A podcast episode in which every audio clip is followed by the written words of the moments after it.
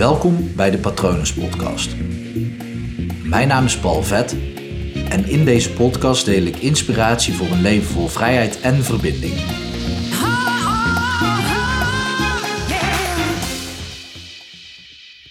Ik heb deze week er inmiddels zo'n 63 uur op zitten.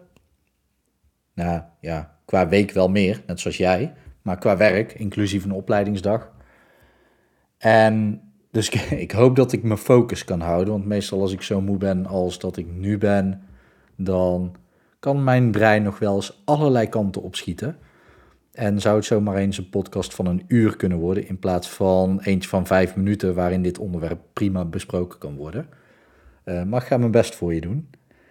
Um, omdat ik dus ook zo moe ben, bedacht ik me, dat straks, um, nou ja, bedacht ik me, ik merkte bij mezelf op dat ik uit die online omgeving stapte, waar tegenwoordig opleidingen plaatsvinden natuurlijk.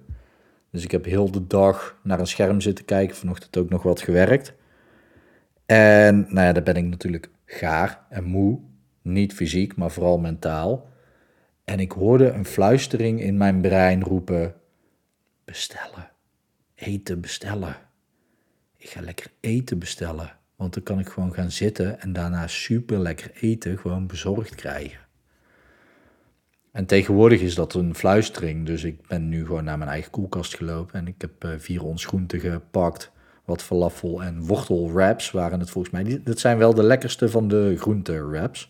Dit is dus zo'n uitspatting van mijn brein als ik moe ben. En ik heb dus gewoon superveel groenten op en het was ook echt super lekker. Maar vroeger of voorheen, zo je wilt, was dat niet het geval. Voorheen als mijn brein moe was, dus als de remschijven op mijn brein moe waren, die waren dan gewoon klaar. Die hadden gewoon onderuitsbeurt nodig, oftewel slaap. Dan ging ik gewoon overstag. Dan ging ik echt eten bestellen. En het nadeel van eten bestellen is, dan kan ik ook daarin nog een gezonde keuze maken. Maar ja, toen had ik niet eens door dat er een gezonde keuze was. Dus bij eten bestellen was dat toen makkelijk pizza of iets met veel koolhydraten. Want Chinees met veel groente in de bami, dat was best een gezonde keuze, vond ik. Waren het niet dat er vaak meer bami in de eh, bak zit dan groente. Maar dat is dus wat het nu tegenwoordig is. En dat is niet van, van het een op het andere moment veranderd. Nu moet ik eerlijk zeggen dat als ik toen een hypnotherapeut had gehad, dan had dat wel gekund. Want in hypnotherapie kan je dus in één keer zoiets veranderen. Niet letterlijk met één vingerknip, daar zijn er minimaal twee van nodig. Nee, nee, ja, vaak in een sessie kan je wel een gewoonte veranderen. Dat is wel vrij eenvoudig. Vaak zit er een gedrag onder natuurlijk of een intentie onder. En dan zijn er vaak meerdere sessies nodig om dat aan te pakken. Want vaak wil je niet alleen een gewoonte aanpakken. Maar een gewoonte veranderen is in hypnotherapie is dat binnen één sessie gedaan. Wat um, mij juist heel erg heeft geholpen. En dan heb je dus niet mij als hypnotherapeut nodig. Dus het is misschien geen handige podcast. Toch die remschijven die erop zijn. Maar je kunt je brein ook trainen door uh, momenten uit te zoeken waarin jij enigszins moe bent. Dus dat weet je vaak wel in de week wanneer dat eraan zit te komen. Vaak als je heel veel structuur in je week hebt, dan weet je gewoon op dinsdag ben ik wel een beetje moe. En op vrijdag dan bestellen we altijd friet. Dus dan ja, de vrijdag is de beste dag om het dan in te trainen. Maar als dat een stap te ver is, dan kan je bijvoorbeeld de dinsdag pakken. Omdat dat de dag is die het verste van het vorige weekend uh. En ook het verste van het aankomende weekend natuurlijk.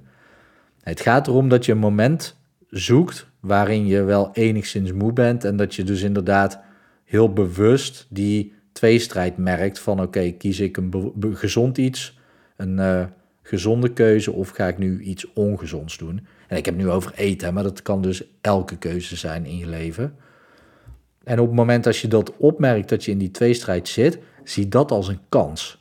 Want op het moment dat jij die kans grijpt en op dat moment de gezonde keuze neemt, dan wordt er een nieuw pad in je brein aangelegd.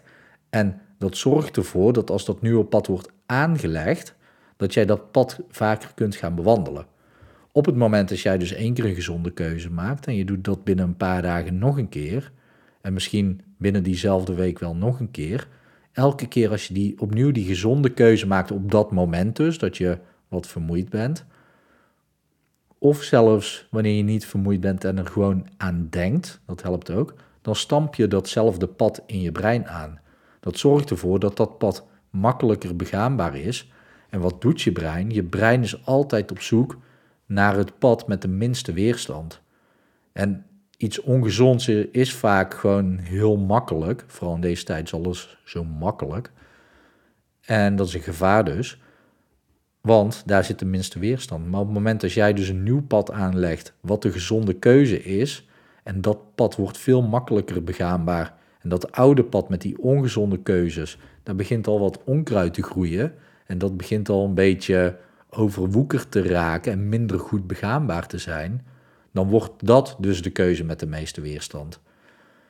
Dus wil je voortaan de gezonde keuze maken, is het gewoon heel raadzaam om op het moment als je vermoeid bent, licht vermoeid bent en je bent je ervan bewust dat je een tweestrijd hebt van ah, zal ik gaan koken of niet, of dat je alleen al denkt ik heb geen zin om te, te koken, dat is die kans. Als je die kans grijpt, dan kan je een nieuw pad aanleggen in je brein. En als je die kans grijpt en je legt dat nieuwe pad aan, wees jezelf er dan van bewust van: oké, als ik dit nu nog een aantal keren ga doen, minimaal zeven keer, het liefste nog 50 keer. Veel beter om je daarop te richten. Dus doe maar gewoon 50 keer. Dan weet je, oké, dit pad is het meest gangbare pad en het meest fijne pad. Je zal het altijd moeten blijven trainen, want je brein zal altijd weer de gemakkelijkste weg gaan zoeken. En omdat alles steeds makkelijker wordt en je soms ook tegen jezelf zegt, ja, maar ik heb het verdiend en dat soort ongein van je brein. Misschien een, uh, een leuke titel voor een boek. De ongein van je brein. Bestaat misschien al. Ik zal, ik zal het eens een keer opzoeken. Uh, dit is dus mijn, mijn brein wat gaat spelen. Ik ga dat zo meteen ook maar even doen. Maar dit gaat je helpen om op het moment als je vermoeid bent de juiste keuze te maken. Ik bedenk me nu nog iets. Ik heb dus met mezelf afgesproken dat er elke dag een artikel online komt en elke dag een podcast. En soms kan ik vooruitwerken, maar ik heb deze week gewoon heel eerlijk te vol gepland. En dus heb ik niet vooruit kunnen werken. Maar ondanks dat ik dus vermoeid ben, zit het zo in mijn systeem dat ik dit dus eerst opneem voordat ik, nou ja, voordat 12 uur is. en dus ook voordat ik ga slapen. Want als, als dit nu later was geweest, ik neem dit nu iets na 7 uur op, maar ook als dit om 10 uur vanavond was geweest en ik was kapot moe geweest, was ik nog steeds gaan zitten. Ik denk hier niet eens meer over na. Dit is een, een automatisch pad geworden voor mij om dus deze podcast op te nemen. Waar sommige mensen, of eigenlijk best wel veel mensen die ik ken, die ook ondernemen, um, kijken van wow, hoe doet Paul dat?